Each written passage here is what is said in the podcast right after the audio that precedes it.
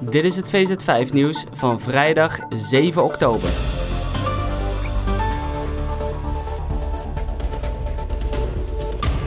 Feyenoord heeft donderdag ter nauwe nood een zege tegen FC Midtjylland uit handen gegeven. De ploeg van Arne Slot kende een uiterst lastige tegenstander in de Denen, maar leek desondanks lang een overwinning mee te nemen naar Nederland. Juninho bracht daar 5 minuten voor tijd verandering in en besliste de eindstand op een 2-2 gelijkspel.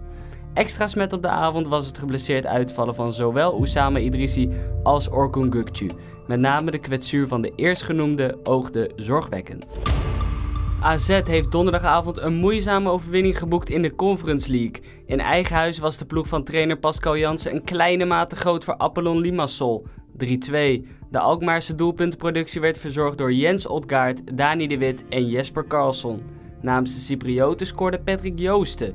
Na drie speelrondes in groep E heeft AZ met 9 punten een perfecte score, terwijl de nummer 2, de Nipro 1, pas 4 punten verzamelde. Manchester United heeft weliswaar met moeite de rug gerecht na afgelopen zondag. De ploeg van Erik ten Hag domineerde op Cyprus vrijwel de gehele wedstrijd tegen Omonio Nicosia en vertrok uiteindelijk met een 2-3 overwinning van het eiland. Even leek Manchester United een nieuwe flater te gaan slaan, daar het bij rust nog met 1-0 achter stond. Tyrell Malasia mocht zich die treffer persoonlijk aanrekenen. Marcus Rashford tweemaal en Anthony Martial, beide invallers, verzorgden de gehele Engelse doelpuntenproductie. Het WK in Qatar wordt de laatste voor Lionel Messi. Dat vertelt de zevenvoudige Ballon d'Or-winnaar in gesprek met journalist Sebastian Vignolo. Messi geeft te kennen zeer zeker te zijn van zijn zaak, waarmee in november de laatste kans aanbreekt voor de Argentijn om de wereldtitel in de wacht te slepen.